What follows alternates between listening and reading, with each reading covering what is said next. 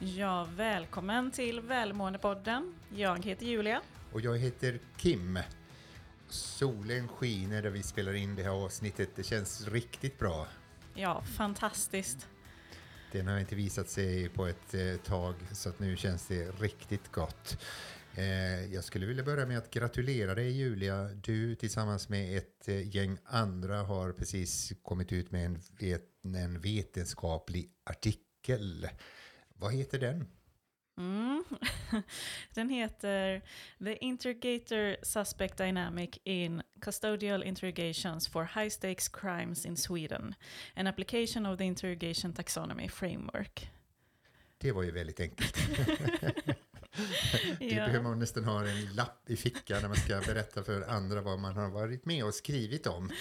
Precis. Men det är jag och eh, en forskare här på Göteborgs universitet och också ett antal forskare från USA. Eh, bland annat eh, St. Joseph University Philadelphia och Florida International University. Vi har skrivit en artikel om förhörstekniker och egentligen analyserat förhör i Sverige med ja, high stakes crimes. Så att eh, grova brottslingar har vi eh, analyserat. Väldigt intressant. Och på tal om forskning, så vi har en gäst idag, Mikael Dahlén. Eh, och det är vi jätte jätteglada för författare, talare, professor i ekonomi vid Handelshögskolan i Stockholm och askr astronaut som man kallar det för. Han har skrivit böcker, bland annat eh, Sifferljus, Starkt kul, Opti, Optimal, optimal marknadskommunikation, Nextopia, kaosologi, en liten bok om lycka, en liten bok om meningen med livet och så vidare och så vidare. Ja, han är ju en enorm inspiration. Eh, det, det, är helt galet vilka härliga kreativa idéer han kommer på. Jag känner att en professor, det, han har valt helt rätt yrke för sitt kreativa sinne. Mikael Dahlén, ekonomiprofessor. När jag tänker på, på, på ekonomiprofessor så får jag en sån här nidbild av en, en professor med en eh, brun manchesterkavaj och, och eh, ser ut på ett visst sätt och så vidare. Och ifall det finns några lyssnare som inte har sett Mikael Dahlén tidigare. Det finns troligtvis fortfarande några människor i Sverige som, som inte har gjort det. Så, så stämmer inte den bilden alls. Utan det var någon som, som sa till mig häromdagen när jag nämnde att vi ska intervjua Mikael Dahlén. Ja, oh, just det, det är han, den här professorn som ser ut som Jesus. Är det han? Ja, det, det är det. Eh, och eh, det kanske stämmer då. Vi är överlyckliga att ha dig här. Skillnaden kanske är din tatuering i halsen då som, som inte jag har sett några avbilder av Jesus som, som, som fanns där. Ja, det är väl bra om det är någonting som skiljer oss åt och det är en hygglig kontrasteffekt att ställa sig jämte Jesus så, så jag försöker gärna mildra de jämförelserna så mycket som går. Ja, och vi har ju sett att du har ett antal tatueringar och det ser ut som olika formler av olika slag. Vad, vad är det för tatueringar du har? Mm, de är av lite alla möjliga slag. Gemensamt har de att de är en sorts minneslappar för mig allihop. Saker jag någon gång har lärt mig eh, och sen upptäcker efter ett tag att jag börjar glömma bort och är viktiga att påminna mig om. Och en del av dem är matematiska formler. Jag är ju väldigt förtjust i siffror och matematik. Det gör märkligt nog tillvaron och livet konkret för mig och ett sätt jag kan, kan vrida och vända på det genom. Eh, de flesta som, som tänker på dig och pratar om dig pratar inte om ekonomi utan mer om välmående och lycka. Så hur en professor i ekonomi blev intresserad av välmående, när, när startade den här, eller när, när väcktes intresse? På anstalten där jag fortfarande är kvar och det är väl därför jag fortfarande är kvar här på Handelshögskolan i Stockholm som ju genom en väldig massa över hundra år ägnat sig åt frågor gällande ekonomi i den bemärkelse de flesta nog tänker som har med pengar att göra. Men jag har aldrig varit jätteintresserad av pengar och för mig då att bli klok på varför pengar är viktiga, varför vi jagar dem, varför vi eh, planerar för dem, varför vi frustreras över dem och allt vad det är. Eh, behövde jag tänka på, men vad egentligen får oss att göra allt det här? Jagar dem, frustreras över och så vidare. Vad, vad ska vi med pengarna till? Och, och till slut så trillade polletten ner även för mig. Det handlar väl om att vi hoppas och tänker att de ska hjälpa oss att göra livet bättre för oss själva, för varandra tillsammans. Och rent fundamentalt är det väl det ekonomi är. Det är ett språk, det är en verktygslåda, det är en, ibland kan det vara en konst till och med, för att hjälpas åt och göra tillvaron bättre, livet bättre. Och pengar är bara ett av medlen där. Mm. Fantastiskt. Och, eh, när, när jag tänker på dig, Mikael, så tänker jag ju på kreativitet. Du har ju verkligen styrkan kreativitet, eh, i mina ögon i alla fall. Eh, och vad, vad, får du egentligen all inspiration ifrån, alla dina idéer? Och du kallar dig själv för liksom astronaut. Var kommer alla dina idéer ifrån? Ja, men det började nog i grunden med eh, min väldigt dåliga hörsel som jag tänkte i början var en förbannelse. Jag hör ju ingenting så jag vet ju inte vad folk säger till mig och till varandra som skulle förklara varför de gör som de gör och varför jag gör eller inte gör som jag gör. Men, men med det kom att jag ju eh, blev tvungen att observera väldigt mycket och klura själv. Eh, och det har jag förstått en välsignelse som jag verkligen omfamnar nu. Eh, benägenheten och behovet av att alltid ha stora förundrade ögon med vilka jag observerar allt runt omkring mig. Och då går det det går väldigt snabbt att bli varse en massa frågetecken som vore kul att räta ut och se helt nya saker jag aldrig sett tidigare. Och det är så fantastiskt att eh, läsa dina inlägg på sociala medier och allt det där, alla dina studier om olika saker och ting. Eh, en fråga, kan du se några trender eh, inom välmående? Ja, men den viktigaste trenden är att fler och fler har fått upp ögonen för det och, och funderar över det. Och det är ju någonting bra i det som i grunden såklart var väldigt hemskt med pandemin som eh, rörde upp och slet upp med rötterna så mycket vi trodde var jordat, grundmurat och tog för givet. Den insikten att stort sett vad som helst kan hända eh, gjorde att vi började tänka mera kring vad vill vi ska hända, vad behöver hända, hur ska vi förhålla oss till både samtiden och framtiden. Så det skulle jag säga är den största trenden. Och, och den andra trenden och också tror jag en, en stor följd av pandemin är att vi insåg hur beroende vi är av varandra för vårt välmående, för att kunna leva på sätt som är hållbara.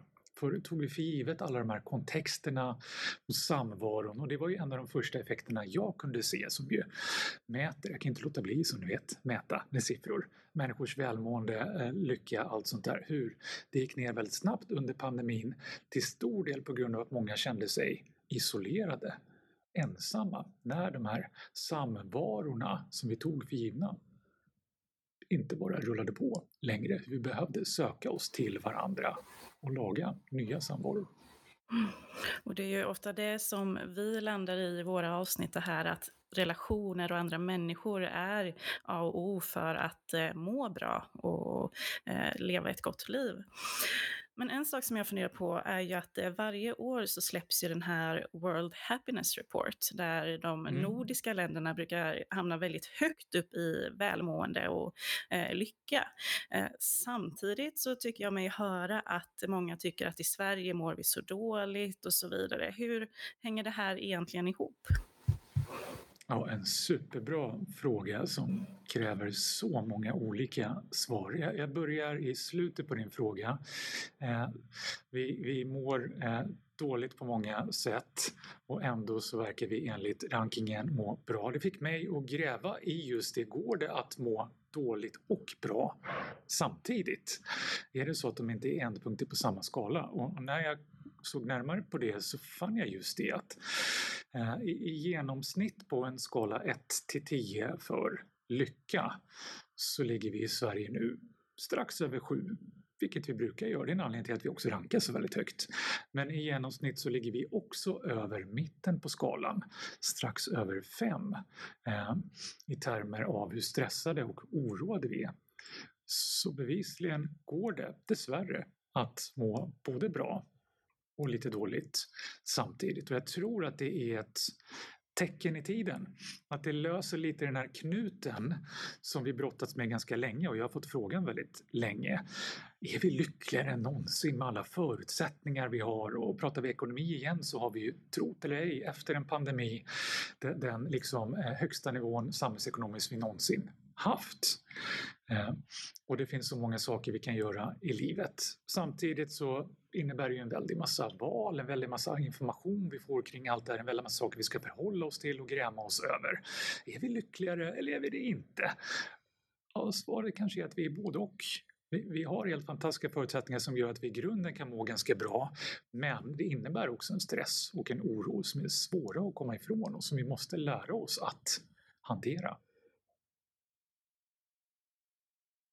Sen ett annat Jo, men ett annat svar på, på frågan också hur vi kan vara så högt i rankingen alla nordiska länder, vilket överraskar många märken här runt i världen och pratar. De har, de har någon gång sett en svensk eller en finne eller någon på bild och tänker, är de så jäkla sprudlande de där?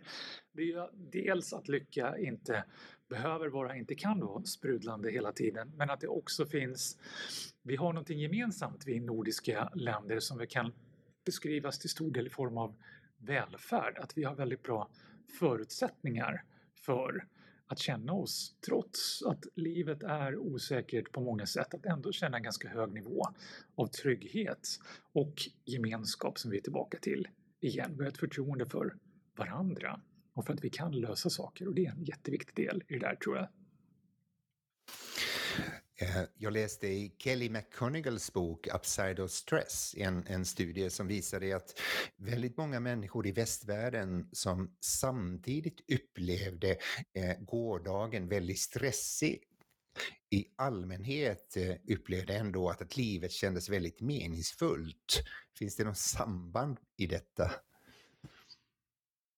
Ja, det, jag skulle säga att det finns två möjliga och sannolika riktningar på det sambandet. Det ena är att stress och bördor kan eh, frammana ett extra stort behov av mening.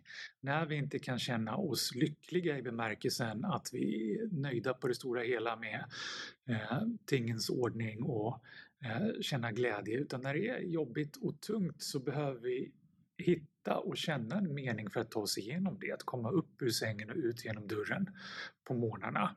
Så, så vi söker nog mening då och då ökar ju, säger ju ekonomiprofessorn, sannolikheten att vi hittar meningen också.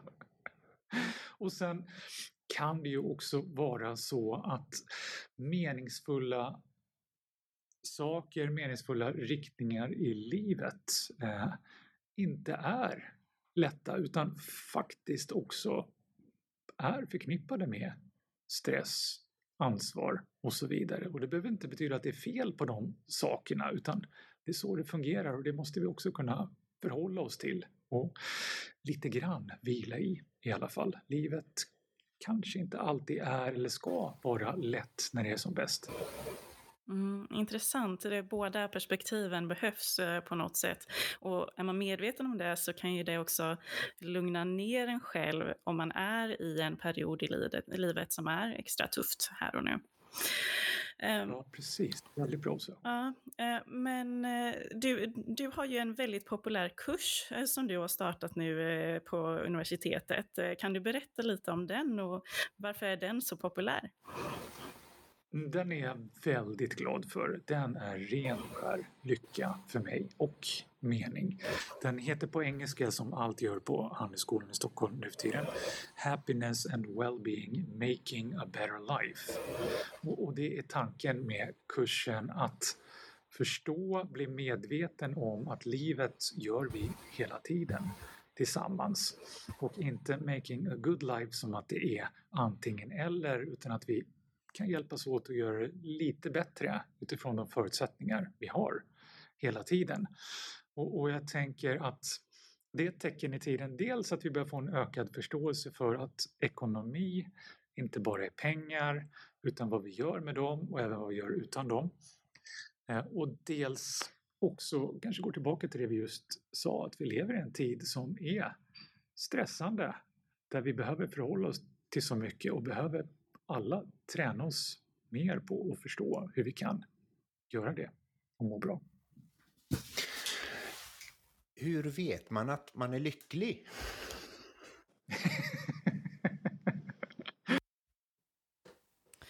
ja, och svaret på den här frågan kommer ni få höra nästa vecka. Det ska bli väldigt intressant.